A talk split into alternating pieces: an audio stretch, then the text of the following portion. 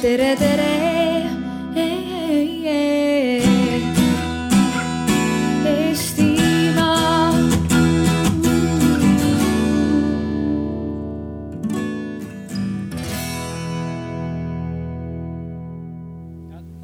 Et äh, kõlab väga pühalikult, ma just hakkasin mõtlema, et, et nii-öelda kui ma enda peale mõtlen, et kuigi mind see teema puudutab, siis ma kõnniks ringi, näen nimekirjas lõimumisteemas, mõtlen jah, jälle. et nagu nii mitu aastat sellest on räägitud ja jätame valimised kõrvale äh,. keegi tegelikult tavaliselt ei tea, mida keegi üldse teeb selle jaoks peale keeleõppe ja siis midagi, midagi justkui ei lahene juba tükk aega, eks ole. et kas ma saan aru, nüüd on seis on natuke teine, tegelikult töö käib ja asju tehakse. aga mida tehakse ja mida peaks arutama? nojah, minu nimi on siis Olga ja mina olen kultuuriministeeriumist, olen peaspetsialist ja olen kultuurilise mitmekesisuse osakonnast. ja millega ma praegu tegelen, on see, et me hakkame koostama uut lõimumiskava. tegelikult neid lõimumiskavu on koostatud alates aastast üheksakümmend seitse, siin on olemas kogu see raamistik, et äh, juba kakskümmend aastat tagasi hakati mõtlema selle pea, kuidas, kuidas siis integreerida. alguses räägiti sellest, et integreerime mitte-eestlased Eesti ühiskonda äh, vaikselt on see retoorika muutunud, nüüd me räägime pigem sellest, et kuidas luua sidusat ühiskonda, kus igaühel on võimalus ennast teostada, vaatamata sellele, mis rahvusest ta on, mis keeles ta räägib või mis riigist ta on tulnud. me rohkem mõtleme selle peale et ähm, vaatame tulevikku, et mis, mida tulevik toob ja tegelikult tänane see praegune debatt pidigi keskenduma sellele, et, äh, et kuidas näeb välja lõimumine kaks, kakskümmend kolmkümmend viis. milliseid samme me peaksime praegu ette võtma selleks, et aastal kakskümmend kolmkümmend viis meil oleks selline sidus ühiskond. Äh, täna me hommikupoole arutasime, et, et, et, et, et mida ootab Eestit aastaks kakskümmend kolmkümmend viis, kas on see selline helisinine unistus, on see must stsenaarium, on see kuldne kesktee ja siis lähtudes nendest märksõnadest natukene mõelda selle peale, et millele peaksime meie nüüd sellise lõimumise kontekstis rohkem tähelepanu pöörama. sest praegu sa õieti ütlesid, et, et praegu lõimumine võrdub keeleõppe, mis tegelikult ei ole nii, et äh, muidugi keeleõpe on väga oluline, aga, aga mitte ainult. lõimumine on väga palju laiem temaatika. lõimumine on horisontaalne valdkond, mis puudutab kõiki elualasid, kultuuri, haridust, julgeolekut, kodanikuühiskonda majandus, sotsiaalhoolekannet ja, ja sotsiaalseid võimalusi, nii et tegelikult see on väga selline lai teema, mida väga tihti kitsendatakse ainult keeleõppeks ja seetõttu, ähm, seetõttu äh, me tahame praegu natukene seda müüti murda, mitte, mitte et me ei tegeleks enam eesti keele õppega, tegeleme väga. integratsiooni sihtasutus just mõned päevad tagasi kuulutas uue, uue vooru ja avas äh, registreerimise rühmadesse, sest tegelikult neid inimesi, kes tahaksid eesti keelt õppida, on Eestis väga palju. et äh, me tegime keeleuuringu ja umbes kuuskümmend tuhat inimest võiks, võiks seda tahta jätkuvalt. aga äh, kui me siiski vaatame tulevikku, siis me näeme, et meil ei ole ainult siin need venekeelsed inimesed, kes ei räägi eesti keelt, meil tulevad hästi palju kolmandatest riikidest inimesi. Äh, Araabia riikidest inimesed tulevad siia sisse. nii et see, see kõik muutub palju-palju keerulisemaks. ja, mm, ja kui nüüd äh, minna edasi, siis ma, siis ma tahangi nagu teid ärgitada mõtlema selle peale, et millist ühiskonda me tahame näha. Mill-, millise, milline peab see sidus ühiskond välja nägema, et mida teie mõtlete sidususe all, mida teie mõtlete lõimimise all? et äh, mida me praegu peame tegema milliseid ebavõrdsusi peame vähendama, mida hariduses peame tegema? muidugi hariduse teema on praegu seal pealaval, kus arutatakse äh, äh ühtse, ühtse kooli tekkimist, et äh, see, mis jah, see võib-olla tõesti tõmbas meie inimesed ära, sest see tõesti väga väärikas seltskond on lava peal, integratsiooni sihtasutuse juhataja ja meie president ja nii edasi. aga me selle, selles väiksemas seltskonnas võiksime ka natukene mõelda selle peale, et, et kuidas teie praegu näete mm, ühiskonda, kas ta on teie jaoks piisavalt sidus, kas teie märkate, et teie kõrval elavad teisest rahvusest inimesed, kes räägivad võib-olla teist keelt äh, emakeelena äh,. kuidas neid võiks kaasata, kas teie üldse puutute nendega kokku näiteks või mitte, et, äh, et seda kõike võiks praegu natukene võib-olla avada ja, ja rääkida lihtsalt nüüd täitsa sekku, vaat see mikrofon tekitab tunde, nagu ma oleks mega tähtiski, aga tegelikult on selline vaba ring, et kohe sekkuge. ma hakkasin mõtlema enda peale, et minu, mina iseendana ei näe, mul on vene sõpru, eesti sõpru, ma olen kakskeelne inimene, et ma ei näe, et Eestis on probleem sellega, et meil kindlasti on omajagu raske see, et osad inimesed on jäänud keelepuuduse tõttu tööturult eemale, okei okay. aga suurem probleem ei ole üldse selles, et, et noh, ma ütlen otse teksti, et venekeelsed inimesed on kuskil vales kohas vaid meil on eestikeelne kogukond, mis koosneb ka väga palju venekeelsetest inimestest nüüd juba. siis on venekeelne kogukond, kus koosneb väga paljudest ka inimestest, kelle rahvused on täitsa üle maailma, eks ole. Ja mõlemad saavad hakkama. kõik on okei okay venekeelne kogukond, noh kuivõrd saab hakkama, eestikeelne saab hakkama, siis tulevad äh, inimesed, ingliskeelne kogukond on tekkinud, saab hakkama. kõik käivad samas rabas, kõik käivad samas kohas, ainult nad ei puutu kokku kuidagi omavahel eks ole, ja nüüd see ja siis noh, jah, et, et nüüd me tõesti näeme seda, et aga probleem on selles, ühel hetkel me ei saa enam aru, mida need teised inimesed teavad, mis infoväljas nad on mul näiteks on mitmed, ma, mulle meeldib näiteks märgata, et, et kui ma viin Eesti sõpru sinna kohta meelelahutusele, kus mu vene sõbrad käivad ja vene sõpru viin seal, kus Eesti sõbrad käivad, nad ütlevad oh,, Eestis on sellised asjad. noh, et minu arust on see kumma, miks mulle meeldib see uus püstitus isiklikult ongi see, see, et, et lõpuks meil ei ole juttu sellest, et, et eestlased, tulge kokku, arutame, meil on probleem mingite müstiliste venelastega keda sellisel kujul ei ole, eks ju, vaid meil on küsimus, kas me tahame Eesti ühiskonda, kus mingi, mingi osa on justkui arvab, et ta on oluline, sest ta on eestikeelne, siis on teised osad, kes elavad muud elu ja nad ei suhtle omavahel. et võib-olla see ei ole probleem ka. võib-olla noh, vot see on tegelikult ma võib-olla põrgatan palli kõigile teile, et, et kas meil, kas meil üldse on Eesti ühiskonnas probleem või meil ei ole probleemi, aga meil on mingi ressurss kasutamata tegelikult ka või lihtsalt on või mingi tulevikurisk, et kuidas te näete seda teemat üldse?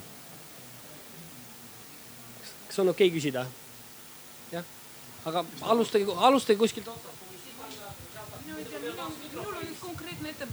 mina tahaksin teha tõesti ettepaneku huvihariduse toetamise strateegilises osas, et, et kui nüüd see lõimumiskava planeerimise aeg on ja ettepanekute tegemise aeg, et kas on kuidagi võimalik mm, seda huvihariduse kättesaadavust, et noh tõlgendada kui lõimumise eesmärkidele kaasaaitavana ja, ja kui on, siis et kas oleks siis võimalik kuidagi seda tõesti süsteemselt ja järjekindlalt ähm, teadvustada ja toetada huvihariduse paremat kättesaadavust. huviharidust ma käsitleksin elukestva õppe kontekstis, mitte ainult nii, et kuskil kolmas-neljas klass läheb ja õpib pilli mängima, eks ole, või, või kunstikoolis käib.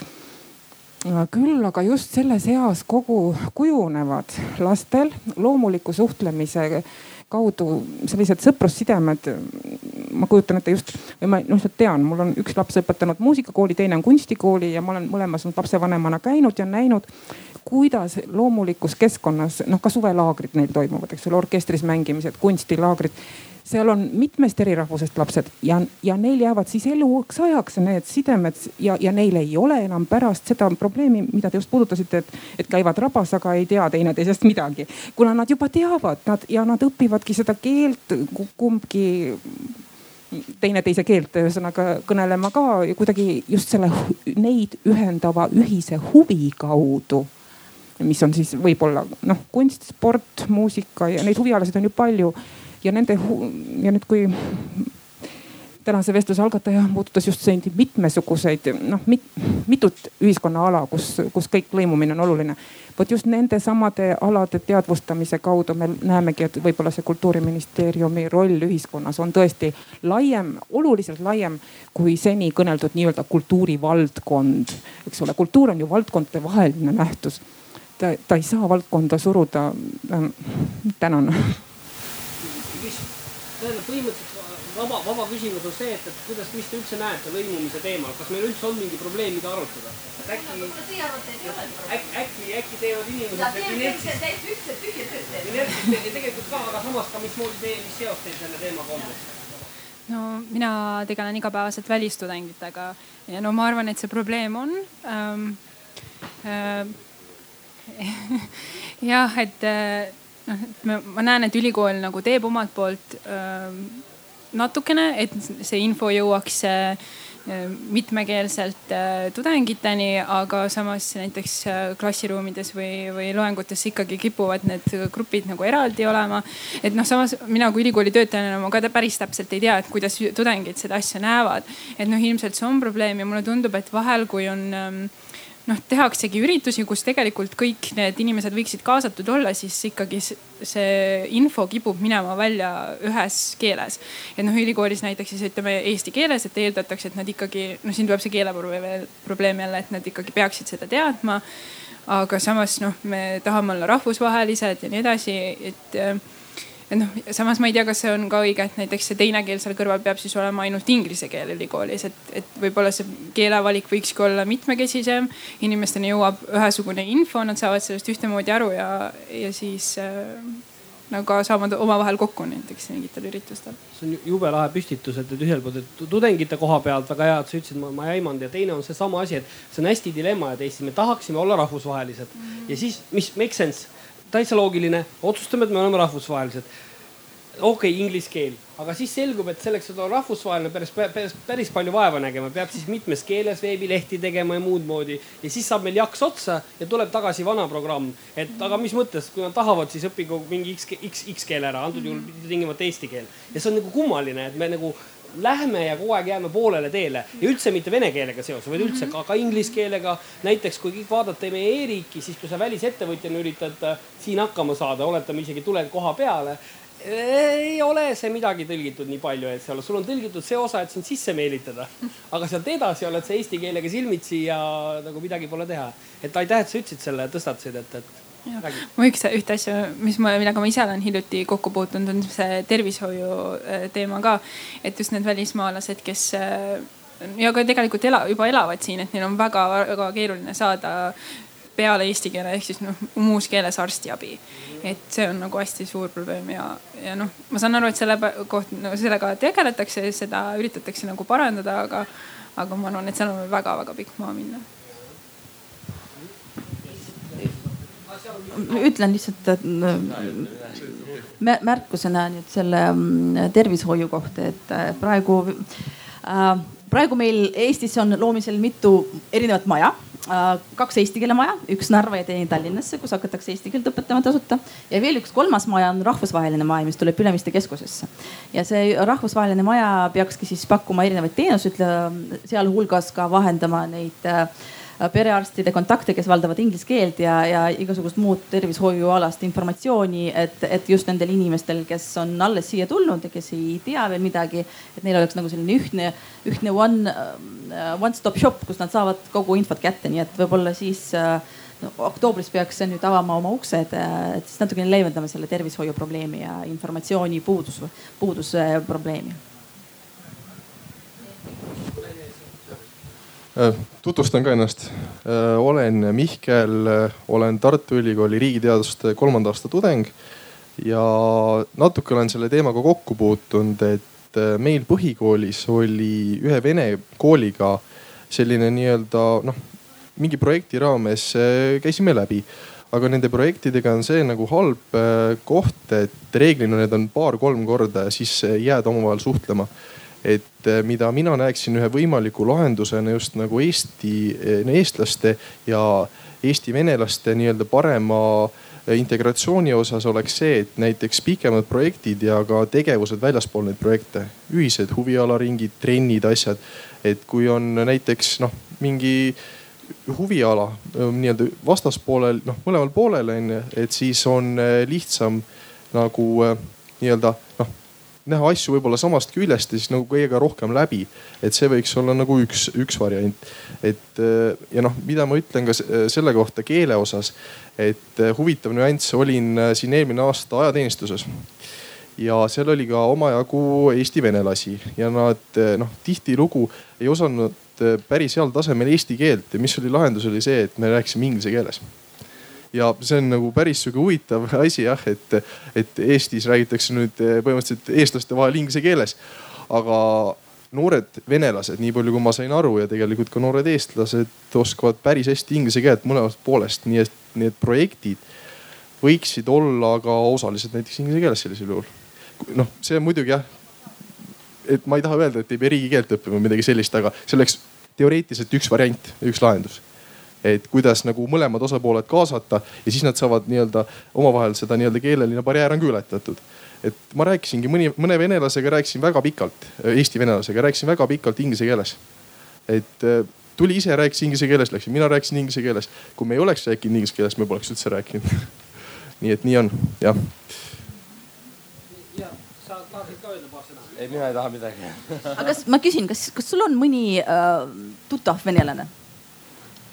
Mõtle palun, kas, kas sa oled kunagi kokku puutunud mõne venelasega kokku, no ma ei tea, õlut joonud või, või? tuttavaid on olnud, aga mitte otseselt sõpru mm. -hmm. koolis ei ole olnud klassikaaslasi või, või koolikaaslasi?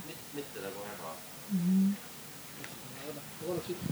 see on äge, et sa seda ütled, eks ju, sest see on tegelikult kummaline, sa Tallinna inimene või mis linnas sa?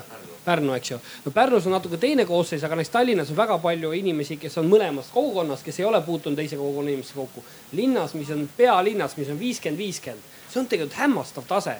kui ma ütleksin, et kuskil maailmas on linn, mis on viiskümmend, viiskümmend kahe keelegrupi vahel jaotunud äh,, siis tunduks loomulik ja nad on elanud üle kolmekümne, neljakümne aasta koos, nii tunduks loomulik, et kõik on läbisegi. kõik on kahes keeles ja mingi müstika häbi me oleme Eestis suutnud seda mulli hoida mõlemalt poolt ja üldse ma ei ütle siin süüliselt, et keegi on süüdi või eestlased pole rääkinud, venelased, ei, seal pole küsimus, vaid kuidagi me oleme teinud mingi kultuurilise hämmastava saavutuse. sellise mullides ühiskonna, nii et see ei ole kaklus, nii et ei ole vaenu, lihtsalt on ükskõik selles mõttes, et ma ei taha praegu draamat teha, aga lihtsalt nii kummaline tegelikult. kas seda on, seda fenomeni on kuidagi uuritud ka, et kas see on, kas see on täiesti tavaline nähtus või see ongi midagi kummalist, mis meil on? tegelikult äh, seda on muidugi teadlased on uurinud ja viimane inimarengu aruanne, mis eelmisel aastal tuli välja, et toob, äh, toob väga lihtsa põhjuse, miks meil tekkis selline segregatsioon ja miks meil on kaks mulje, see on haridussüsteem. Meie inimesed ei õpi koos, meie lapsed ei õpi koos, nad juba kohe lasteaiast saadik lähevad erinevatesse torudesse ja siis nad omavahel kokku ei puutugi, et nad äh, käivad lasteaias eraldi, nad käivad koolis eraldi, siis võib-olla nad ülikoolis saavad kokku, aga võib-olla ka mitte. ja tegelikult neil on ka erinevad need erialavalikud, need äh, Äh, pigem äh, vene noored lähevad kutseharidussüsteemi ja Eesti, Eesti, Eesti noored lähevad äh, kõrgkoolidesse või sõidavad üldse Eestist ära, eks ju.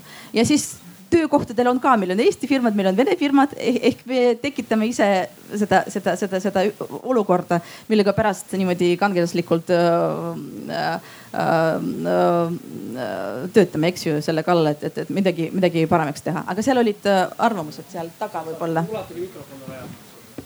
ja kuni see mikker lõuab, see on eriti ju kummaline, me rääkisime eelmises osas sellest, et meil on Eestis juba praegu räige tööjõupuudus. ja tööjõupuuduse olukorras millegipärast meil on olemas eestikeelsed spetsialistid ja venekeelsed ja Eesti firmad ja Vene firmad, nad ei suuda nagu risti palgata või siis üle inglise keele, eks ju, käib see asi nagu Ericssonis ja mujal. Katrin Oja äh,. jah, ma tutvustan siis teistele ka ennast, olen Katrin ja olen Eesti Instituudist ja Eesti Instituut tegeleb selle asjaga, et äh, tutvustada Eestit üle maailma ja nüüd ütleme, viimastel aastatel oleme me aina rohkem vaadanud, et Eestit on vaja tutvustada Eestis endas ka. ja tegelikult ma kuulasin nüüd neid eelkõnelejaid ja me oleme alustamas ühe sellise päris põneva projektiga, kus saaks nagu põimida nii mõnedki need mõtted, mis siin käisid ära. Ehk siis äh, me alustame nii-öelda kultuurimooduli pakkumisega vähelõimunud inimestele. Ja, ja siis me ise ka mõtlesime, et kes on siis vähe lõimunud ja, ja mis keeles ta peaks rääkima ja arutasime, meil on kolleeg äh, venelanna, äh, kes, äh, kes on elanud Tallinnas kogu oma elu, käinud koolis ja ta just eile ütles mulle, et aga tead, eesti keeles ma hakkasin rääkima alles umbes kolmekümnendal eluaastal, mitte varem, et mul ei ole olnud varem kontakte. aga siis pani töö suhtlema ja pani ka keelt kasutama. aga mida see kultuurimoodul nüüd tähendab ja meil on see ka selle, sedavõrd uus asi, et et kõik sellised mõtted on hästi teretulnud, aga noh, mõte ongi see, et viia kokku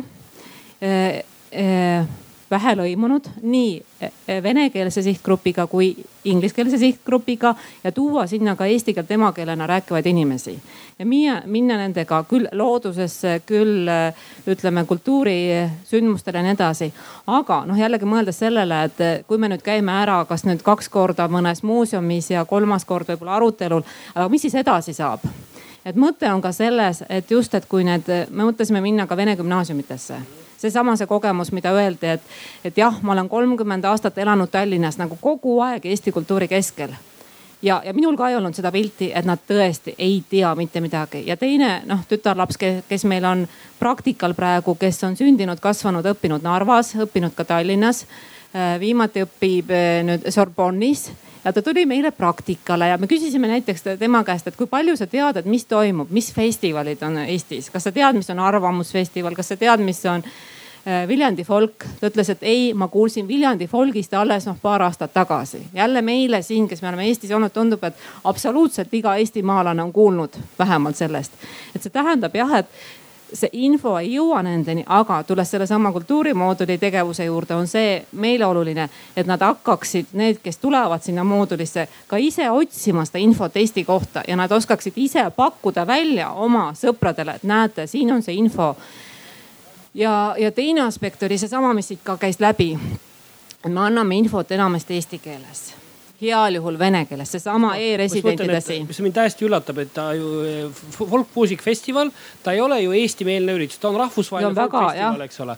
ta on äh, eesti ja ingliskeelne ja tegelikult on ka äriettevõte, eks, mis peab ennast tasa teenima. kuidas pagan on võimalik, et sa riigis unustad kolmkümmend protsenti klientuurist? no, teavitada võimalusest osta oma pilet ja saiakas mm. -hmm. kuidas ometi meile pähe kuidagi välja kukub? aga seda siis räägib nüüd ka seesama meie kolleeg venelanna ütleb nii, et et, et palju, paljud üritused on siis mõeldud, et teeme siis lõimumisüritused, aga on mõeldud väga keeleõppepõhised ja sinna ei lähe see inimene, kes tunneb, et ta ei saa siiski piisavalt aru, kas eesti keelest või inglise keelest, ta hakkab seda kartma ta hakkab natuke kartma, et see noh, kõige suurem probleem on ka sellest, et kuidas sellest kartusest üle saada, et ka eesti keelt mitte mõistev inimene astuks, ütleme mõne selle ürituse uksest sisse. aitäh. aitäh sulle kas keegi tahab kommenteerida, öelda, meil on juba selline vaba vestlus kujunemas, aga mis tahes hetkel. ürituse korraldaja valik esinejate osas saab mõjutada, kui Viljandi kutsub näiteks Pelageia Venemaalt esinema, siis ma usun, vene publik tuleb sinna, Pelageia on superartist. aga teie sõna, kui tohib, Olga, te mainisite teadlaste tehtud uuringuid, millest tuli välja, et lapsed juba koolihariduses satuvad eri. kas ei tulnud mitte välja, et huviharidus on selles suhtes erand, kuna huvikoolides kohtuvad ju mitmest erinevast rahvusest lapsed ma ei, hetkel ei hakka, ei hakka, ei hakka ütlema, sest ma tõesti ei mäleta. Seda peab vaatama ja seda peab uurima. aga, aga üldiselt ma olen nõus, et huviharidusele peab rõhku rohkem panema ja me praegu kultuuriministeerium töötas välja koostöös haridusministeeriumiga selle huvihariduse arengukava. Et ja seda arengukava koostas Piret Hartman, kes on praegu kultuurilise mitmekesisuse asekantsler, kes nüüd vastutab lõimumise eest, nii et ma usun, et et tema on väga hästi teemaga kursis ja kui me nüüd seda uut kava hakkame kokku panema, kindlasti pöörame sellele teemale ka tähelepanu, nii et tegelikult see vestlusring ongi mõeldud selleks, et, et koguda ideid, sisendeid, mõtteid äh, et mis, mis, mis see uus arengukava peaks sisaldama ja mis, mis, mis suunas me peaksime liikuma? korra siis viskan õhku ühe asja ja võib-olla see kõnetab inimesi, võib-olla mitte, et kas äh, see on nii Olgale küsimus, aga ka kõigile teile, et kuidas te suhtute sellesse, et kui me hakkame seda teed teadlikult minema, ma saan aru, et, et on erinevad riigid on mõelnud, näiteks noh, Prantsusmaa teadlikult ja tegeleb vähemalt spordiga kui ühe valdkonnaga, mille kaudu integreeritakse vähelõimunud ja see antud juhul sõltumata rahvusest, eks ju. noh, Šveits on samasugune, näiteks see Šveitsi jalgpallimeeskond, eks, kes siis päris hästi esines, tema kõik põhilised mängijad on, on nad albaanlased äh, igalt poolt mujalt. selle tõttu Šveits on otsustanud, et noorte spordikoolid on koht mitte kus me nüüd suuname kedagi, vaid see on see koht, kus me paneme tegema võimikuse, võimekuse töötada mitmes keeles, segakeeles, sest et me tahame, et, et muukeelsel noorel on ta araablane või venekeelne, oleks üks koht, kuhu minna, kus on alati ei ole keeleprobleemi, sa ütlesid, kus ei pea kartma. Ja muidugi selle tulemusel läheb paremaks ka jalgpall, eks ole, selle tõttu, et inimesed, kes pingutavad ja tulevad väljaspool, on sageli veel suurema tahtega, et, et äh, kas, kuidas teie siin kohalviibijate tunne ja, ja kogemus ütleb, et kas me Eestis oleme valmis nüüd näiteks juba tegema seda tüüpi otsuseid, et me võtame mingisuguse osa huviharidusest, noh, mitte tingimata terve, aga võtame mingid osad huviharidusest, paneme sinna raha juurde selles mõttes mitte, et venekeelsed grupid juurde luua, vaid äh, võtame hulga treenereid, õpetajaid, juhendajaid ja keelid, koolitame need mitmekeelse grupi juhendajateks ja paneme metoodika taha. kas, kas see on asi, mida mm, tänapäeva Eestis saab teha juba või, või kuskilt läheb, plahvatab pomm ja me läheme kõik katki seda tegelikult tehakse juba, seda tehakse, et tegelikult on Integratsiooni Sihtasutusel terve hulk äh, erinevaid projekte, kus just läbi spordi püütakse inimesi kokku viia ja jalgpalli, Eesti Jalgpalliliit on, on üks suurimaid äh,, suurimaid partnereid selles projektis. Neil on, neil on just sellised tegevused, kus nad äh,, kus nad koolitavad välja neid äh,, neid treenereid ja, ja panevad kokku lapsi erinevatest kogukondadest ja ja promovad Eesti jalgpalli ka Ida-Virumaal, mis on omaette selline väga huvitav regioon, kus eriti Narva, kus on kõik teistmoodi kui, kui, kui mujal Eestis, eks ju. ja, ja no näiteks, kes on üks kõige populaarsemaid Eesti jalgpallureid? noh, vene nimega no Vassiljev, noh Kostja Vassiljev, eks ju, et ma arvan, et need, kes jalgpalli jälgivad, nemad kindlasti tunnevad seda nime ja, ja ma arvan, et see on üks selline äh, selline musternäide, mida võib-olla tihti üle kasutatakse, aga ma arvan, et meil selliseid Kostja Vassiljevat võiks rohkem olla. et Kostja Vassiljev on kindlasti Eesti jalgpallur, kuigi tal on venepärane nimi, aga, aga ma arvan, see ei olegi oluline, kui, kui ta, kui ta esindab meie riiki ja on Eesti riigi patrioot. kas tohib öelda siis paar sõna suur tänu, Olga, et te rääkisite sellest spordialal toimuvast sihipärasest ja süstemaatilisest toetamisest. kas oleks mõeldav, et ka Eesti Muusikakoolide Liidu ja Eesti Kunstikoolide Ühenduse kaudu midagi sarnast algatada? no mida meie oleme juba konkreetselt teinud, me oleme nüüd Eesti Kooriühinguga olnud ühenduses selleks, et äh, kooriliikumise kaudu rohkem kaasata inimesi oleme teinud eelmisel aastal sellise projekti, et tõime äh, mitu bussitäis inimesi äh, Eesti la ähm, laulupeole, mis oli noorte laulupidu, eks ju, Narvast ja Ida-Virumaalt, et, et väga-väga-väga paljud olid esimest korda sellisel üritusel ja kindlasti see oli nende jaoks väga huvitav kogemus. Ja nii et vaikselt me tegeleme nende asjadega, et nüüd oleme kooriühing, ühinguni jõudnud, aga, aga muusikakoolid ja kunstikoolid, see kindlasti on üks valdkond kellega, kellega tegeleda, jah rõõm kuulda, siis olekski väga kena, kui järgmisesse lõimumiskavva oleks võimalik sisse kirjutada kohe konkreetsed summad ja, ja planeerida koostöös algusest peale selle, nende, nende kavade väljatöötamisse, siis kaasata kunstikoolide liidu ja muusikakoolide liidu esindajad. sest õpetajad ise teavad seda kõige paremini, kuidas nende sisulise töö kaudu neid lõimumise eesmärke. aitäh nii, kes vahepeal juurde tulid vihma eest pakku, siis me arutame lõimumisega seotud järgmist lõimumiskava kahe tuhande kolmekümne viienda aastani ja või käime välja ideid, et mida, mis, mis on need tegevused, mida teha annab, milles on probleem ja mida, mida võiks ette võtta ja mismoodi selle teemaga tegeleda. et oleme siin rääkinud huviharidusest, spordist, oleme rääkinud tudengite, välistudengitega suhtlemisest, oleme rääkinud sellest, kuidas noored omavahel, kus nad saavad ja kus nad ei saa kokku. kas kellelgi on veel repliike, kommentaare hetkel, küsimusi? Ah ja rääkisime veel Eesti Instituudi koolitusteenustest ja Eesti rahvusvahelisest majast jah. et mul on üks küsimus, mis võib-olla, ma ei tea, ma loodan, see ei keera seda arutelu vussi täiesti. aga ma, ma olen, ma olen aru saanud, et kuigi ma olen mitme, suhtlen igapäevaselt mõlemas justkui kogukonnas, lisaks veel ingliskeelses, on üks asi, millega ma ei oska midagi pihta hakata ma olen aru saanud, et mõiste, jätame kõrvale formaalsused, mõiste eestlane käib inimese kohta, kes elab Eestis ja räägib eesti keeles suures pildis, noh, ütleme nii, et jah, meil inimesed, osad siin on ka telgid, kus võib-olla vaieldakse sellega, aga kui inimene mis tahes vanemate taustaga tuleb Eestis ja hakkab eesti keeles rääkima, töötama, elama, me üldiselt ei käi iga päev arutelu selle üle, kas ta on eestlane või mitte. no näiteks Konstantin Vassiljev, eks noh, eestlane, eks ole, selles mõttes, kuigivõrd vähemalt meil, meil on see lihtsam, ma väidan, et keegi ei ütle näpuga, et noh, ta ei peaks koondisse kuuluma, sest ta on pärit vene perega. justkui ei teki teemat, eks ju. noh, kui keel on olemas, siis no võib-olla on oma muresid, eks ma ei taha ära jätta igasugust diskrimineerimist nüüd aga, aga nüüd teistpidi mure tekib sellega, et kõiki ülejäänud inimesi, kes vene keele põhjal ühiskonnas osalevad ja omavahel suhtlevad, nimetame venelasteks mis on selgelt ebatõene, sellepärast osad neist on vene juurtega, osad on Ukraina, osad on juudi, mina olen pooleldi Armeenia, pooleldi Ukraina ja pooleldi Eesti, eks ole, ja kuidas need pooled kokku klapivad. et kas, kas, kas nüüd, kui me siin arutame, ma olen üsna veendunud, siin on inimesed, kes ei taha kedagi segregeerida, eks ole. ometi tavakeeles meil ei ole muud sõna selle jaoks kui venelased või veel hullem sõna muulased või vähelõimunud, mis on ka delikaatne viis, et kas, kas sina, kui, kes sa oled nii-öelda ka kahe kogukonna vahel, ütled, kui sa kuulad sõna, et aga venelased, mitte halvustas konteksti, kas on vale öelda nii, kas see solvab kedagi või see on kuidagi ka venekeelse kogukonna poolt aktsepteeritud viis? et defineeritakse ühe rahvusgrupina justkui inimesi, kes ei ole seda? no eks see terminoloogiline vaidlus käib kogu aeg tegelikult, et, et kuidas siis nimetada neid inimesi, kes Äh, kes, kes võib-olla ei ole tõesti rahvuselt äh, eestlased, aga elavad siin Eestis ja räägivad eesti keelt, eks ju, või, või ei räägi eesti keelt, aga siiski on Eesti kodanikud, sellised inimesed on ka olemas. et äh, see on selline identiteedi küsimus, kuidas nemad ennast tunnevad, et mina mina näiteks olen ka pooleldi ukrainlane, siis mul on sa, sa, samuti Soome verd.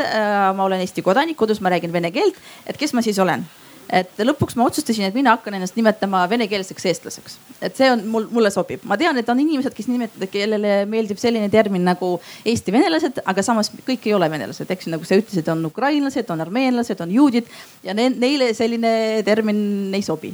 nii et see on selline küsimus, et ühelt poolt, kuidas nagu meil, me, me, et need inimesed ise ennast tunnevad, eks ju. Äh, me peaksime uurima seda, et kuidas nemad tahaksid olla.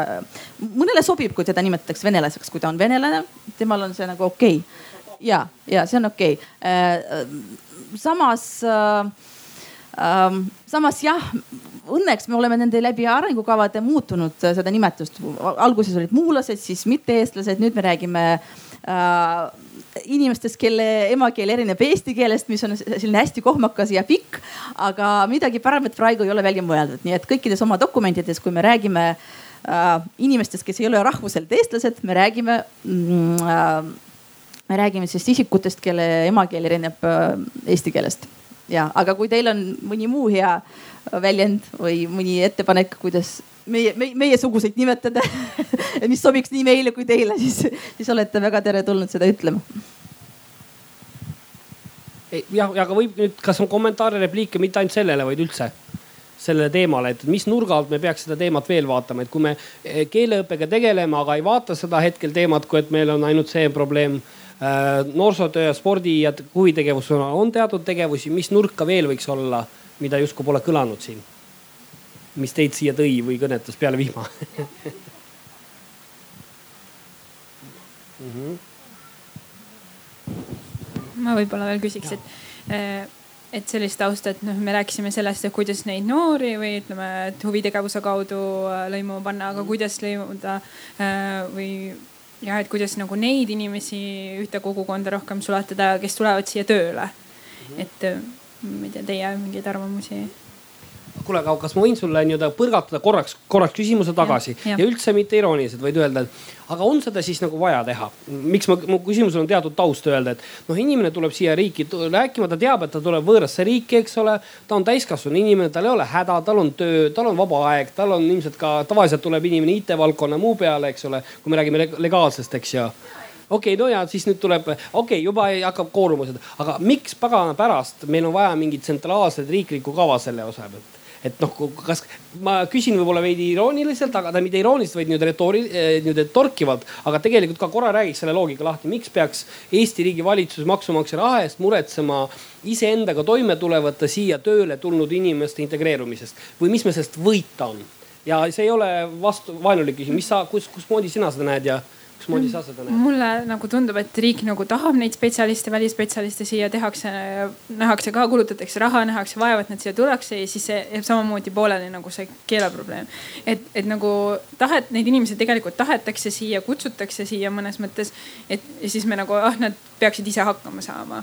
Et aga samas on eestlased, kes on ikkagi väga kinnised või ütleme, kinnine rahvus, hoiavad pigem äh, omaette ja see on välismaalaste jaoks väga keeruline, et äh, sinna ühiskonda nagu lõimuma. see on hea point kusjuures. Mm, ja äh, tõepoolest, meil on ju olemas riiklikud programmid, kuidas siia tuua uusi spetsialiste ja uusi talente. ja samas teisest küljest me teame, et, et hästi palju töötajaid tuleb ka Ukrainast ja Valgevenest, kes töötavad äh, ehitajatena ja, ja selliste siinikraelistena, mitte, mitte ei ole tippspetsialistid, aga, aga teevad muid töid ja väga tihti nad tulevad siia illegaalselt, nad tulevad äh, läbi mingisuguste poole rendifirmade. ja, ja väga tihti nad sulanduvad just äh, venekeelsesse kogukonda, sest äh, sest no neil on juba ühine keel olemas, neil ei ole seda probleemi, äh, et nad saavad hästi hakkama selles ühiskonnas. ja seetõttu, seetõttu need, need uussisserändajad, kes tulevad venekeelse taustaga, nad väga tihti sulanduvad just äh, meie vähe lõimunud äh, inimeste nagu seltskonda ja see on mingil määral probleem, sest me taastoodame seda seda, seda, seda, seda, seda, seda, seda, seda problemaatikat, millega me võitleme. et ja, ja no ühelt poolt nende tippspetsialistide jaoks, nagu ma juba rääkisin, tuleb see rahvusvaheline maailm, mis peaks aitama ja mis peaks ka äh, looma selliseid võimalusi, et need, et need äh, spetsialistid saaksid kokku ka eestlastega ja, ja, ja saaksid rohkem informatsiooni selle kohta, mis Eesti elus toimub ja, ja saaksid parema ähm, parema kogemuse ja, ja, ja jääksid siia, mitte ei läheks ära, vaid, vaid jääksid ka siia elama, võib-olla leiaksid endale kaasa või, või ka nende kaasad leiaksid rakenduse, sest väga-väga tihti probleem on selles, et võib-olla see tippspetsialist tuleb, tal on töö, aga tema, tema abikaasal ei ole rakendust ja mis, mis on suur probleem, nii et aga, aga äh, nende venekeelsete uussisserändajatega tuleb, tuleb ikkagi ka eraldi tegeleda ja, ja neid motiveerida, neile rohkem rääkida Eesti ühiskonnast ja, ja ma arvan, et me vajame igasuguseid inimesi, et me ei ole siin väga palju arutanud äh, tänase päeva jooksul sellest, et tegelikult rahvastik ju väheneb ja, ja, ja neid inimesi tuleb kuskilt leida või siis ümber mõtestada, et kuidas me oma riiki arendame ja milliseid teenuseid me pakume ja, ja, ja millist heaolutaset me saame endale lubada, kui meil äh, sündivus on selline, nagu ta on ja kui sisseränne näiteks peaks mingil hetkel ära lõppema, kuigi noh, viimastel aastatel on tõepoolest neid sisserändajaid olnud rohkem kui väljarändajaid. aga kui meil on mingi must stsenaarium, meil on sellised poliitilised jõud, kes üldse kedagi sisse ei lase, et siis kuidas me hakkame, hakkame kestma riigina ja millised teenused me hakkame pakkuma? kommentaare veel, mõtteid? Mhm. okei okay., mõtlen, kus, kus, kus kui ma nüüd nii-öelda selleks, et edasi, eks ma küsin su ka, et aga kui te nüüd äh, nii-öelda selle teemaga, kes te tegelete igapäevaselt uue kavaga, et mm, ma, ma kuidagi tajun äh, ridade vahelt, mis toimub, et kuna mitmeid asju on raske teha nagu korraga üleriiklikult, sest me jõuame kohe küsimustesse ühtsest koolist ja muudest, mis on olulised, aga mis on laetud, mis võtavad pikalt aega, eks ole. ma saan aru, üks teine tee seda lahendada on sedasi teha nagu äh, tehakse rahvus, Eesti maja ja rahvusvahelise majaga nagu Eesti Instituut teeb, ehk siis äh, pisteliselt tekitada teenuseid, mis võib-olla isegi ei ole niivõrd äh, riiklik, noh, nad võivad olla selle tulemused, aga nad ei ole nagu riiklik poliitika või mingi lahendus, vaid teatud teenus, teatud asi, mida inimene võib-olla tajub kui lihtsalt ühte turul olevat teenust. kas see on nüüd selline mingi põhimõtteline suund? et kuidagi nii-öelda äh, mingis mõttes mitte äh,, mitte ainult tegeleda otse, ma ei tea, keele kui keskne probleemi lahendusega, vaid äh, tekitada teatud teenuseid või mingisuguseid väikseid oaase seal keskel? või kas seal on veel asju, mis on plaanis juba, millega sinnaviibijad võiks kuidagi, võib-olla kõnetab neid ja nad ei teadnudki sellest? hästi äärmused ja küsid hästi jagusalt, aga ma saan aru, et muidugi meil on siis mis väga konkreetsed tegevused, väga konkreetsed projektid, meil on, meil on need majad, millest me rääkisime, eks ju, meil on keelekursused, meil on keelelaagrid, meil on mingisugused äh, kultuurimoodulid äh,, mida Eesti Instituut teeb, meil on, meil on erinevad sellised üksikud projektid, mis on suunatud uussisserändajatele ja pagulastele ja nii edasi. äh, ja, aga noh, meil on muidugi olemas ka need sellised äh, suured strateegiad ja praegu just käib uute strateegiate nende vanade strateegiate uuendamine, käib meie lõimumiskava mm, koostamine, käib äh, siseturvalisuse, siseturvalisuse arengukava koostamine, see on ka äh, väga palju seotud meie temaatikaga. ja mida me püüame praegu teha, me püüame hästi palju teha koostööd teiste ministeeriumitega, sest nagu ma juba alguses ütlesin, äh, lõimumine on väga-väga horisontaalne valdkond mis puudutab väga paljusid äh, probleeme. no näiteks üks väga selline konkreetne probleem on see, et tööturul kõige nõrgem äh, rühm on venekeelsed äh, keskealised naised. et töötus nende seas ja palgatase on kõige madalam et see on väga, konkreetne rühm, et kui me vaatame statistikat, siis me näeme, et, et just see rühm vajaks nagu rohkem, rohkem tähelepanu. et, et üldine heaolu tase ühiskonnas tõuseks, sest neid naisi on päris palju, nendel on lapsed ja nii edasi. et et on, on, um, on olemas jah, sellised üksikud probleemid, millega saab tegeleda, on olemas üldisemad probleemid, no näiteks üldine tolerantsuse tasu ühiskonnas, see on ka väga suur selline väljakutse. me näeme, et igal pool üle Euroopa selline äh, negatiivsus äh, sisserändajate suhtes kasvab äh,. äärmus, parempoolsed äh, poliitilised jõud äh, saavad, saavad, saavad toetust ka meil Eestis, me näeme, kui palju toetajaid on praegu EKRE-l juba, eks ju. ja, ja, ja see on väga oluline teema, millega tegeleda ja see on väga keeruline teema tegelemiseks, et, et äh, inimesed on erinevad ja, ja igale inimesele tuleb erinevalt läheneda, see personaalsus, millest me täna rääkisime, eks ju, et äh, et üks asi muuta sind tolerant to,, tolerantsemaks, eks ju, aga teine asi on muuta kedagi, mõnda, mõnda inimest Narvast äh, või mõnda inimest Saaremaalt äh, ja, ja selgitada neile, miks, miks mitmekultuurilisus on hea ja miks on tore, kui me kõik oleme sallivamad. et äh, nii, et see on, see on jah suur väljakutse. nii kommentaare, küsimusi, mõttekäike? jaa. sa oled küll nii värskelt tulnud. Ja tutvusta edasi korraks. Eda on tegelikult väga tähtis inimene lõimumise valdkonnas Eestis. Eda on äh, Integratsiooni Sihtasutuse äh, tegevjuht, kes on olnud, äh, ma arvan, ma ei tea, üheksakümne seitsmendast aastast saadik või mis, mis aastast sa oled saadik sellega tegelenud. et sul on kindlasti selline pikem ajalooline mälu kui meil kõigil siin kokku võetuna. et äh,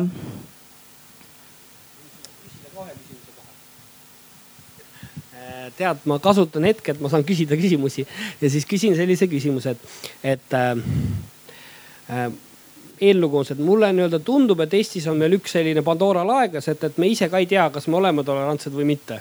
ehk siis me oleme mitmeid asju, me ei ole nii otsetekstiga isegi ühiskonnas välja öelnud, et me saaks teada, kuidas laiem kaasmaalaste ring suhtub.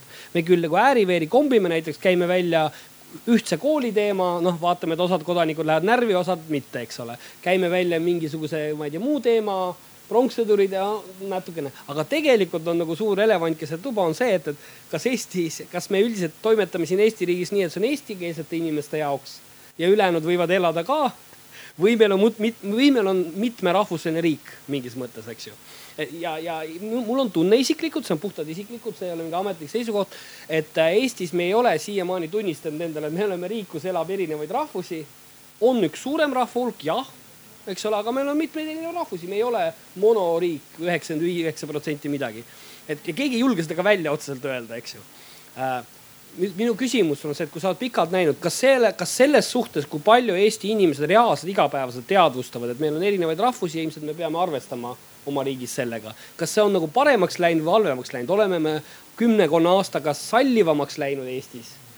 või on kümnekonna aastaga see jää, samaks jäänud või on veel hullemaks äkki hakanud minema? et kuidas sul tunne on ja see on küsimus ka kõigile teistele, kuidas sul tunne on, kas foon, kas meie foon on minemas hullemaks, on sama või on kümnekonna aastaga teie lähitutvusringkonnas kuidagi suhtumine palju rahvuselisusesse Eestis muutunud? ma ei tea, kas on vastatav, saad sa sealt mikrofoni, et ma loodan, et see on mingil määral vastatav küsimus, et. see töötab väga hea. et äh, tegelikult see arenguhüpe või noh, ütleme see, kust me tuleme, see olukord on ikkagi ju kohutavalt palju muutunud. siin ei ole üldsegi võimalik võrrelda aastat üheksakümmend seitse või nüüd praegust.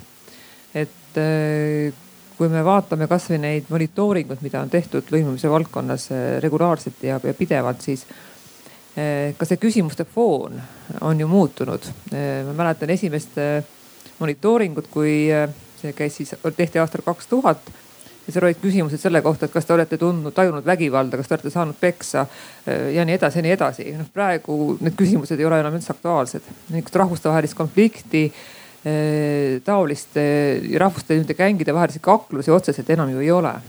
aga need ilmestasid siiski meie ühiskonda üheksakümne kuuendal, üheksakümne seitsmendal et me ei saa seda fakti nagu eitada. ja noh, väga palju tegelikult ikkagi määrab ka see, et äh, Eesti on avatud riik, me käime väga palju ringi ja, ja seeläbi võib-olla see kogemus ja kokkupuude erinevate inimeste, erinevate kultuuridega on märgatavalt suurem ja meie arusaam ja valmisolek tegelikult aktsepteerida teistsugust on ikkagi olulisel määral suurem. et selles mõttes mm, me oleme avatumad, me oleme tegelikult uudishimulikumad ja, ja see minu arust uudishimu teiste kultuuride, teiste inimeste vastu ongi kõigi asjade alus. et siit hakkab tegelikult see soov mõista, soov aru saada ja, ja võib-olla alati see ei peagi väljenduma sellises eh, tohutus armastuses, vaid pigem ongi see, et kas me saame sellest aru, kas see meie jaoks mõistetav et me ei pea ka alati deklareerima seda, et jah, et me oleme nüüd tohutult tolerantsed või tohutult sallivad aga see esmane asi on siiski see, et soov mõista teist poolt, miks ta niimoodi käitub või mis on, mis on see taust. ja tegelikult tunda ikkagi huvi nende asjade vastu.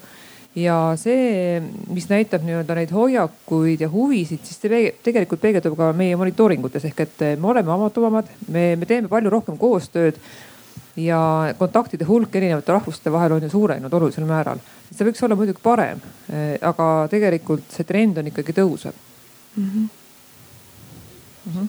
seda on iseenesest hea kuulda, et mm -hmm. siin võiks olla eraldi tahvel arvamusfestivalide asjad, mille kohta ma arvasin, on Eesti riigis väga halvasti, aga tegelikult lähevad paremaks järjest okei okay.. ikka liiguvad ja, et okay. see tegelikult, et nad võib-olla need sammud, me ootus võib-olla on see, et need oleksid tohutumalt suuremad aga igasugused äh, suhted, inimestevahelised suhted on aeganõudvamad. ehk et see mhm. noh, kui siin Kristiina Kallas võrdles integratsiooni teemat kui abielu, siis see esimene hetk võib olla tõesti väga intensiivne, aga selleks, et nii-öelda see suhe kestaks ja püsiks, siin on vaja ikkagi teha mõlemal poolel tööd mm. -hmm.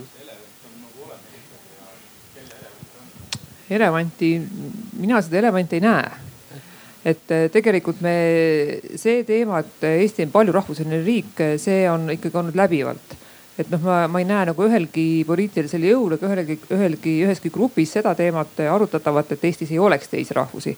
tegelikult me oleme juba ju ammu aktsepteerinud seda, et meie töökollektiivid on mitmekesised, noh kuigi jah, mõneti võib-olla väiksemates kohtades võivad nad olla nii-öelda ükskeelsed või siis nii-öelda mitte teise taustaga. aga et äh, mina seda elementi ei näe, et meie, meil ei maksaks ka seda kunstlikult tekitada. et see on ka teine asi, see, et, et mitte ise tekitada probleeme seal, kus neid ei ole. okei okay., tahad seda juurde kommenteerida, ei pea, aga võib lihtsalt ei, ei taha, mul lihtsalt, äh, ma olen ka riigisektorist, äh, maaeluministeeriumist ja me nagu teeme hästi palju erinevaid nagu niisuguseid regionaalseid arenguprogramme. ja, ja nüüd noh, seal tekib nagu see küsimus, et kas meie peaksime aeg-ajalt oma mingeid, mingites toetustes nagu arvestama noh, noh tegemagi mingi soodustuse näiteks nendele keskealistele venekeelset kõnelevatele naistele. ja meie oleme nagu võtnud oma eesmärgi millekski muuks, et on mingi majandusareng ja kõik nad saavad sellest kasu, kõik saavad sealt. et noh, kas, kas sellelt pinnalt peaks tegema mingeid noh, selliseid poliitikaid ja, ja, ja meil nagu on tekkinud tunne, et ei peaks tegema, sest tegelikult kõik saavad noh sealt kasu. et võib-olla millega peaks tegema, on teavitus, et kõik saaksid õigesti ühtemoodi aru kust nad midagi saavad taotleda, küsida või, või mingit arengut tekitada, eks ole. et. äärmiselt põnev on kuulda tõesti, kas on siis mõeldav, et maaeluministeerium saaks keskealiste venekeelsetele naistele luua mingi maaelu arendamisega seotud tegevusala või suuna? sest sellisel puhul noh. noh, noh teoreetiliselt me saaksime neile teha mingi soodustuse nagu noh, selles mõttes, et nad saaksid mingites toetustes näiteks noh rohkem punkte, et nad saavad nagu noh, teoreetiliselt me saaksime seda teha, et, et mingi maaettevõtja, kes on seda sellisest, sellisest nagu grupist, et tema saaks mingis toetuses näiteks mingi viis punkti rohkem hindamiskriteeriumites, aga kas, aga kas me tahame seda, mis sõnumi see saadab? seda on võimalik teha kas... ainult siis, kui nad on tõepoolest need maaettevõtjad, siis nad ei saa ju no,, ütleme, kui ta elab Lasnamäel ja, ja on noh, ei, ei ole õppinud taimekasvatust ega loomekasvatust, siis ta ei saa ju seda soodustust, noh nii et see on. siis ta ei keeruline. ole maaettevõtja kuidagi nagu noh. vot siin see on see keeruline mõttekoht, et kuidas me siis aga ma saan aru, et see ongi põhinev dilemma, eks ju, et, et täpselt see nagu mõnes mõttes, et kui me ütleme, et, et äh, nii-öelda on väga suur probleem, siis jah, me peaksime sel juhul positiivse diskrimineerimise meetmeid tegema. aga me oleme vist selle koha peal, kus meil täitsa aus dilemma on, võib-olla ei peakski mingit tohutu erinimetatusega meedet tegema, vaid lihtsalt tegelema näiteks sellega, et tõepoolest mingi kriitiline hulk meie arste räägiks, eks ole, keelt selleks, et tööturg oleks integreeritum, et, et okei okay,, dilemma siin mingisugune on, tahad sa vahepeal kommenteerida või tahad sa veel lisada? ei noh, paljuski tegelikult ju määrab ikkagi see sotsiaalmajanduslik pool ja nüüd küsimus on see, et noh, meil on piirkondi, kus võib-olla tõesti ettevõtlikkusega ja ettevõtlusega on asjad natukene halvemad kui mujal Eestis. et küsimus on see, et kas on olemas piisavalt meetmeid, et seda ergutada ja, ja mis see siis oleks, et mis kaudu tegelikult siis võib-olla noh, mingisugust äh, konkreetset äh, sihtrühma tuua tagasi tööturule või siis tegelikult nende ettevõtlikkust miskitpidi rakendada aga ma saan aru, selliseid asju on ju tegelikult otsapidi tehtud ja on toimunud, toiminud. kas, kas meil on Eestis mõni toimiv lahendus? no ma saan aru, et see enamasti, kui me räägime teatud piirkonnast, kus on keerulisem, me räägime Ida-Viru piirkonnast ju enamasti siis. no Kagu-Eestil on teine piir, eks ole, kui me räägime kas, kas on, kas on ka häid näiteid olnud? kus on õnnestunud mingisugune nii-öelda kõrvale jäänud muukeelne grupp töö, mingile moodi tööturule tuua.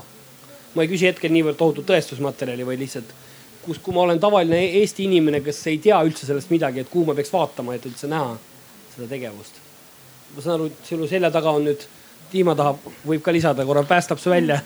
ja ma päästan välja muidugi et äh, mis puudutab seda, et, et äh, kas need asjad toimivad, ei toimi, kas on vaja või ei ole vaja, siin on tegelikult üsna vastuolulised näited selle kohta, et ühelt poolt, kui me räägime ettevõtlikest inimestest, siis äh, see, et, et see ettevõtlik inimene räägib teist keelt või mingit konkreetset keelt ei oska äh,. jällegi nii palju, kui ma olen seda praktikas näinud, neid ettevõtlikke inimesi, nende projekte hinnates omal ajal siis ma ütleks, et suurt vahet ei ole. Need, kes on päriselt ettevõtlikud, neil vahet ei ole, mis keeles kogu see teema käib. Nad niikuinii saavad sellega ilusti hakkama pigem, pigem probleem oli selles, et kui inimesed tõid ettekäändena seda, et noh teises keeles sellepärast asi ei õnnestu. No seal tihtipeale probleem oli millestki muud, see on nagu üks asi. teiselt poolt, kui me võtame näiteks konkreetselt Ida-Virumaad Äh, siis omal ajal seal oli niimoodi, et, et no kui rääkida konkreetsest meetmest, starditoetusest näiteks.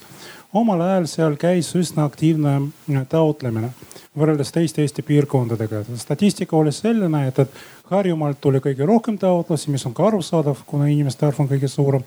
aga teisel kohal väga tugevalt palju aastaid oli tegelikult äh, Ida-Virumaa ja kogu see pidu lõppes sellega, et, et äh, kui üks konsultant otsustas, et ta selle teemaga enam ei tegele, siis kõik, rohkem taotlusi vähemalt sellises mahus ei olnud.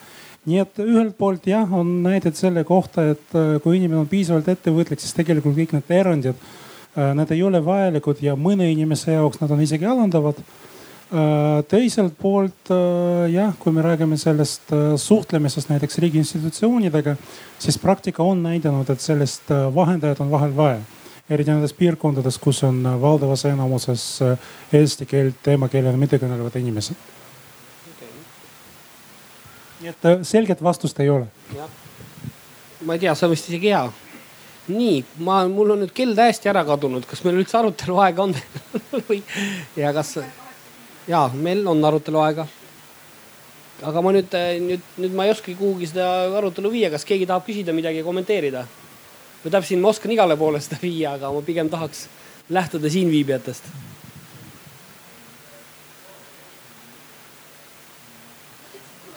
ja, ja väga hea, olge head, täpselt nii, et olles kokku puutunud siis äh, veel Eesti venelastega, kui võib neid niimoodi nimetada, et äh, siis äh, üks teema, miks paljud neist ei õpi keelt ja, ja, ja ei, ei suuda nagu noh, eestlastega paremini nii-öelda siis noh, ei läbi, läbi saada, on see, et näiteks Lasnamäel paljud venelased ei näe mitte mingisugust põhjust õppida keelt.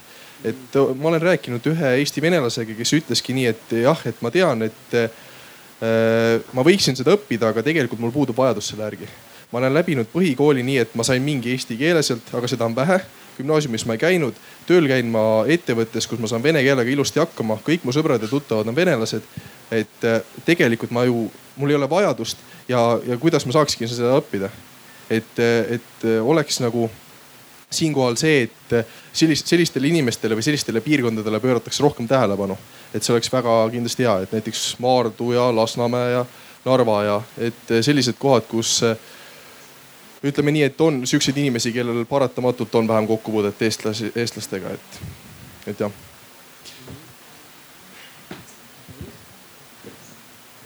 tänan, Mihkel, teie idee on väga hea, aga kuidas te kujutate ette seda, et seda huvi eesti keele õppe vastu siis tekitada või, või milleks te, kui ta ütleb, et tal ei ole vaja, kuidas, kas siis meil on vaja, et ta õpiks seda või kellel seda siis vaja on? jah, täitsa minu arust korraks lihtsalt laseme sel teemal korra lihtsalt olla täpselt võtmes, isegi mitte teie kahe vahel, lihtsalt põnev küsimus ongi see, et kui inimene, oletame ka praegu, siis praegu või viieteist aasta pärast ütleb, et aga mul on hea Eestis elada.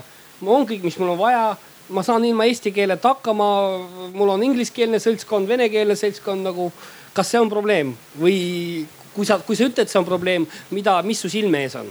minu meelest isiklikult see ei ole probleem, et äh, pigem on see, et äh, inglise keel on üks variant, aga teine variant on see, et kui neil tekib nagu vajadus juba selles osas, et näiteks see tõstab neid ametiredelil kõrgemale või loob neile rohkem võimalusi. et äh, reeglina noh, ütleme siuksed äh, kogenud vene mehed, naised, nad on äh, väga head töölised, nad on hinnatud töölised. et äh, keevitamise valdkonnas, naistel võib-olla kudumise või mingi asja valdkonnas, et nad on, nad on selles, selles loal tuntud ja head ja neid on nagu igale poole soovitud. kui neil tekib nüüd nagu võimalus tulenevalt sellest, et nad õpiksid riigikeelt, tõusta ametiredelil kõrgemale, võib-olla see oleks neile motivaator aga mulle meeldib nagu see sõnastus, sest mingis mõttes, eks ole, ma olen, ma olen kohutavalt puudust tundnud Eestis ühest lihtsast sõnastusest, võib-olla seda on räägitud, seega ma lihtsalt ei ole kursis. et mitte, et kuidagi oleks vaja välja mõelda, kuidas vene keelt kõneleja tahaks õppida eesti keelt ära õppida, vaid sõnastada ausalt minul kui Eesti inimesel, kes saab haigekassast raha maksumaksjana, SKP-st võidab, eks ju, minul oleks huvi et see inimene osaleks laiemalt Eesti tööturul, oleks kõrgem lisandväärtus. ehk siis kui nüüd öeldes, meil ju meeldib Eestis asju sõnastada läbi skp sageli, eks ole, et meil on vaja seda sellepärast, et see tõstab majanduskäiku, et kuidagi ausalt lõpuks välja öelda, et ei ole mitte nii-öelda Maardus elaval inimesel kohutavalt vaja noh, Eesti, Eesti kultuuri integreerida, vaid nii-öelda enamusel whoever, kes tahes on, eesti või venekeelsel enamusel, oleks tegelikult vaja seda inimest integreerituna, mitte inimesel endal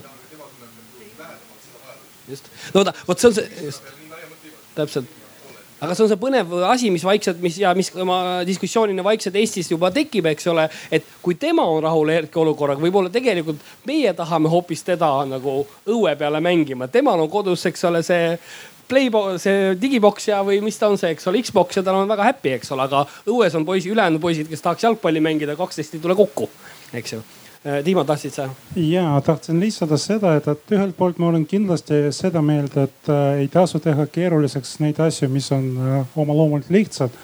aga täpselt samamoodi kehtib ka vastupidine väide, et vahel asjad on võib-olla natuke keerulisemad, kui see võib meile tunduda ja minu jutu mõte on praegu selles, et äh, võib-olla nagu selliste avalduste puhul, et noh, nagu näiteks nagu siin näiteks on toodud, et Lasnamäe Lasnamäel elav inimene ütleb, et tal eesti keelt ei ole vaja, sellepärast ei õpeta, et äh, võib-olla see ei ole päris kogu tõde. see ei pruugi alati kogu tõde olla. toon sellise näite. Äh, kui näiteks äh, mul tekiks soov praegu või ükskõik kellel tekiks, tekiks soov praegu mängida näiteks korvpalli.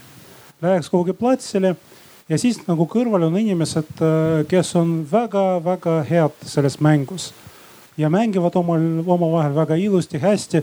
ja mina lihtsalt, mul mingi hetk tekib tunne, et, et, et ma pigem segan teisi, kui, kui mängin nendega koos. siis ühel hetkel tekib see tunne, et tegelikult, tegelikult ega see korvpall mulle ei meeldi ka eriti, et, et miks mul seda vaja on. ma saan ilusti ka selle, ilma selleta hakkama, nii et mängu tulevad emotsioonid, tihtipeale negatiivsed emotsioonid, mis on tingitud äh, teatud negatiivsest kogemusest. nii et äh, need väited, et äh, kui see teine inimene ütleb, et tal tegelikult keelt ei ole vaja, ei pruugi tegelikkuses tähendada seda, et ta päriselt nii arvab. see võib vabalt olla ka lihtsalt nagu selline reaktsioon, et, et no ta, ta saab aru, et ta mingil põhjusel ei saa hakkama ükskõik mis põhjus selle taga on ja selle tõttu tulevad sellised väited. ehk järelikult, kui me räägime nii-öelda nendest retseptidest, kuidas seda ravida, need on hoopis teistsugused võrreldes sellega, kui ta päriselt arvaks, et tal seda ei ole vaja.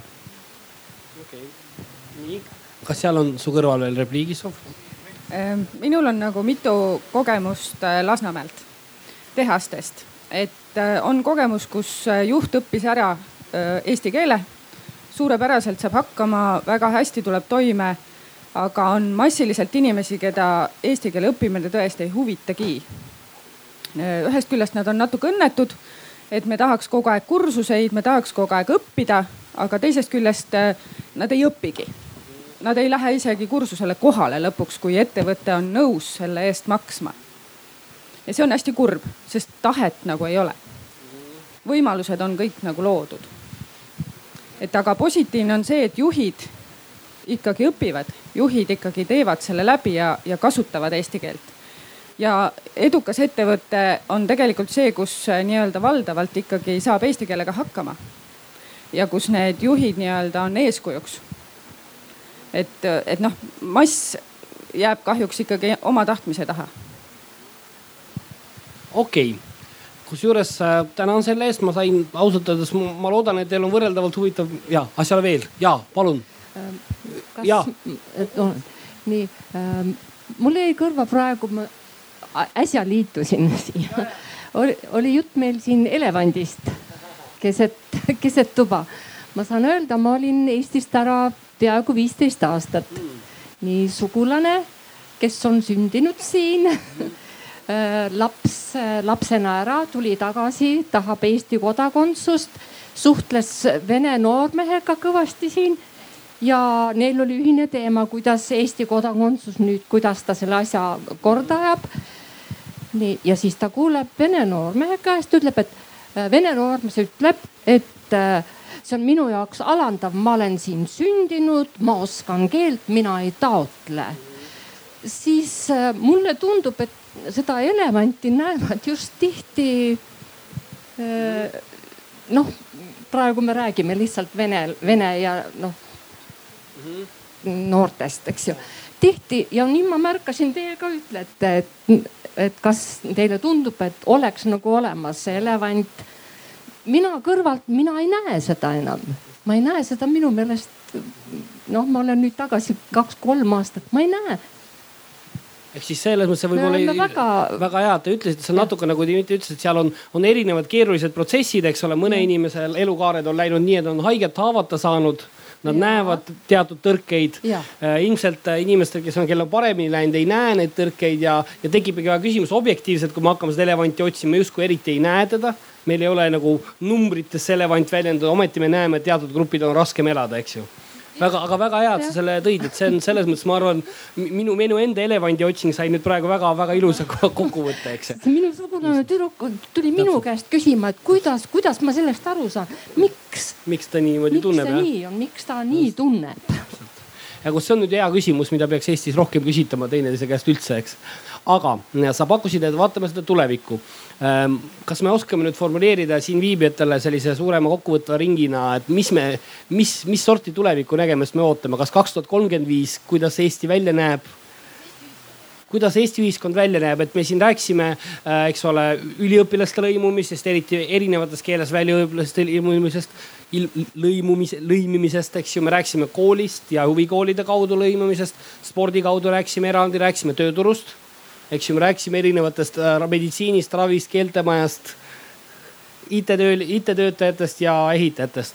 et äh, mul oleks hea meel, et, et mõtleks natuke ja vot ma ei tea ka nüüd, kas, kui, kas, kui inimestel on soovi, siis ma tegelikult hea meelega enamike puhul kuulaks mõne repliigi kõigi käest ära. me võime ka muidugi väikse gruppides arutamise teha, kui see on vähem hirmus ma olen neid nõutud, kas, kas te oleksite valmis mõtlema igaüks ühe repliigi ütlema korraks, kui te mõtlete, et aasta kaks tuhat kolmkümmend viis me oleme üle viieteist aasta selleks ajaks töötanud, ületanud neid sildu. mis on teie silmis asi, mis peaks lahendunud, lahendunud olema või paremini olema? kas nii on õiglane küsida? mis kuidagi puudutaks lõimimist selle mätta otsas, mis, mis teid hetkel kõnetab? üks, üks variant on tegelikult kuidagi mõtteliselt meie publik pooleks teha siit sedapidi ja ühe, üks pool arutleks korraks omavahel ja teine pool omavahel. ja siis me lihtsalt küsiks mõlemalt poolt, mis põhilised highlight'id käisid. kas sobib nii? olete valmis, jaksate korra veel selles rabisevas vihmas teha või? no aga teeme siis, proovime, katsetame ära, sest muidu lihtsalt ühekaupa on jube keeruline kuidagi väljendada, et, et kas, kas sobib näiteks, kui me siit pooleks joone tõmbame ja see pool, sa võid valida siis kummal pool sa tahad olla, et kas see pool korra näod oma poole ja see pool oma poole ja korra vabas vormis mõelge, et mis, mis pidi te, mis, mis te näeksite Eestis lõimumise teemal on hästi kaks tuhat kolmkümmend viis. ma, ma arvan, pole mõtet küsida, mis on halvasti. Et oi, proovige. Võite, võite ka väiksemate kolmikutena teha, aga võib-olla on seltsis korra segasem, kui te juba kord olete ühte kohta vihma ees peitu tulnud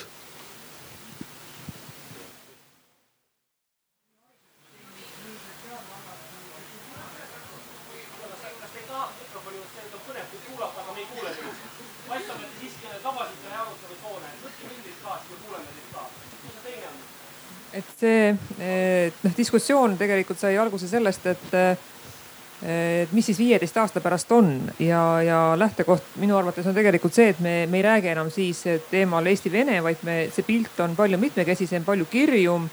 Ja et kas ja kuidas seda tegelikult lahendada, kas riik on valmis siis, et mil moel seda teha, et kas kaasata siia erinevaid huvikoole näiteks või mingid muud, muid süsteeme, siis pigem see, no see lähtekoht, kuna see arutelu on nüüd siis äh, lõimumisvaldkonna arengukava teema, siis pigem äh, minu lähtekoht on see, et äh, tegelikult kuskil siin siis ütleme, et viieteist aasta pärast meil ei ole vaja eraldi lõimumiskava. et tegelikult see, see, et me arvestame erinevate inimeste, nende erivajadustega, on see need keelelised, kultuurilised, on need mingid muud erivajadused, et see on niivõrd elementaarne, et koostades kas siis nii-öelda keskkonna valdkonnas, hariduse valdkonnas mingis muus valdkonnas arengukava, me tegelikult juba eos arvestame sellega, et eh, meil, meil võib olla eh, nii-öelda vajalik rakendada erinevaid meetmeid teatud erinevatele sihtrühmadele eh, siis ma võib-olla lisaks omalt poolt, et kui Ede rääkis väga konkreetselt sellest, mida võib, juba võib teha, siis ma kommenteeriks natuke üldisemalt. Ja üldisemalt kommenteerides ma ütleks, et äh, kui, kui tõstatada küsimuse, et, et kas ja kui suurel määral on lõimumiskava vaja, äh, siis äh, ma näen ühte tingimust, mille täitmisel võib-olla lõimumiskava ei olekski enam vaja. see tingimus on see, et meil tekib ühine tulevik. ma mõtlen kõigile inimestele, kes Eestis elavad. sest praegused probleemid, mida lõimumiskavad lahendavad, on need, et tegelikult meil on natuke erinevad arusaamad meie minevikust meil on kindlasti erinevad arusaamad sellest, eh, kes me praegu oleme, miks me siin oleme ja nii edasi. ja meil on üsna kindlalt ka suht erinevad arusaamad sellest, et mida tulevik peab meile tooma ja mis on meie roll, iga konkreetse inimese roll äh, selles tulevikus äh,. juhul, kui meil õnnestuks sellele probleemile lahendusi leida, et see ongi nagu tulevik, mis sobib kõigile, kes Eestis elavad ma arvan, et äh, lõimumiskava ei oleks enam mingi küsimus, seda lihtsalt ei oleks vaja. seni, kuni, kuni meil ei ole sellest äh, nagu ühest nägemust, ühest arusaama sellest nagu milline see tulevik on, mis meile kõigile sobiks. meil on vaja erinevaid kavasid, mis natuke siluks neid äh, erinevusi arusaamades, mis on meil tänapäeval olemas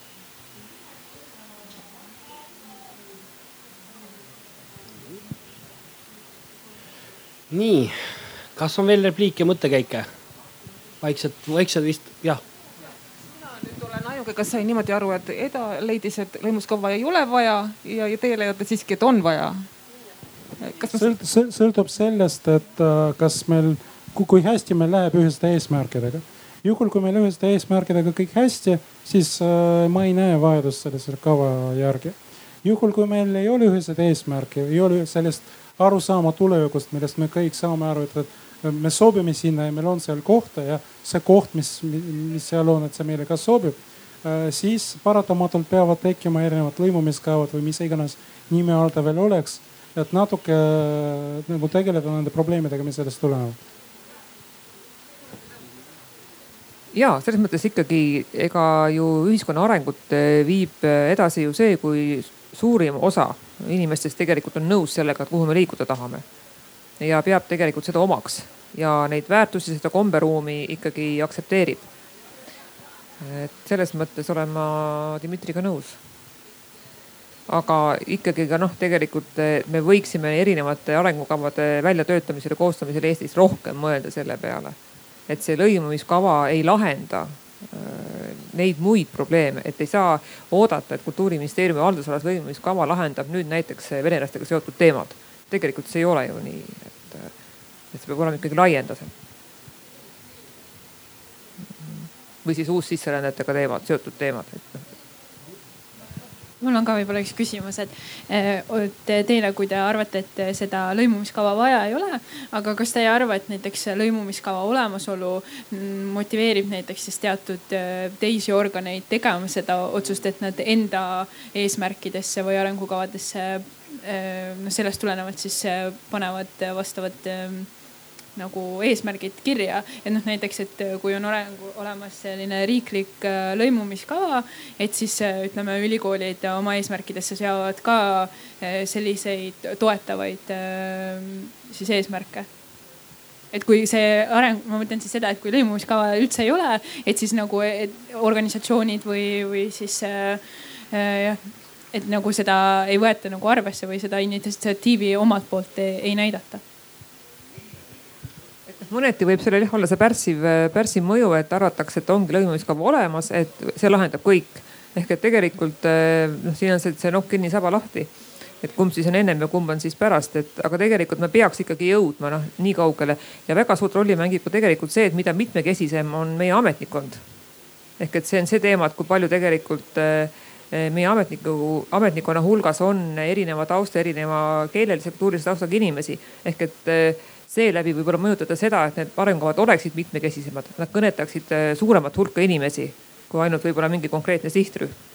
et noh, see on nagu eeldus selleks, et me jõuame sinnamaani, et meie arengukavad ikkagi kõnetavad võimalikult suurt hulka inimesi ja, ja, ja teemade valdkonda aga noh, praegu jah, see, et kui noh, mõneti on tunda, tajutav see, et oodatakse, et lõimumiskava lahendab kõik nii-öelda kas siis eesti keele õppega seotud teemad või siis nii-öelda koostöö valdkonnaga seotud teemad. kuigi tegelikult eelduslikult võiksid need olla nii-öelda noorsootöö ja muudes valdkondades ehk nii ehk nii sees. Dmitri, ütle sa repliik ja siis tuleb mikrofon sulle ja, tagasi. ja mul on juba natuke piinlik veel kord tänan, rääkida, aga vabandust. Väga... Äh, ma, ma, ma arvan, et üks jah, vabandust, lihtsalt üks väike repliik, et ma arvan, et vastus sellele küsimusele, mis siin kõlas, on muuhulgas ka see, et, et siin meil väga palju sõltub sellest äh, äh kuidas neid lõimumis üleüldse kavade elluviimist äh, juhitakse Äh, sellepärast, et kui me vaatame ükskõik millest kava, olgu, olgu see lõimumiskava või mingi muu äh, arengudokument, strateegiline arengudokument riigis, siis tegelikult seal on väga õige jutt. Äh, seal on väga õiged eesmärgid väga tihti. Seal on selgelt vastutajad, kõik vajalik on seal olemas. ainuke mure on selles, et kuidas praktikas tagada selle, et, et üks ministeerium, kes vastutab konkreetse ülesande eest horisontaalselt, et kuidas ta reaalselt saab mõjutada teisi ministeeriumeid, asutusi ja nii edasi. Äh, see, see, selline praktika, selline tegutsemisviis ja selle parandamine on tegelikult äh, antud juhul võtmeküsimus.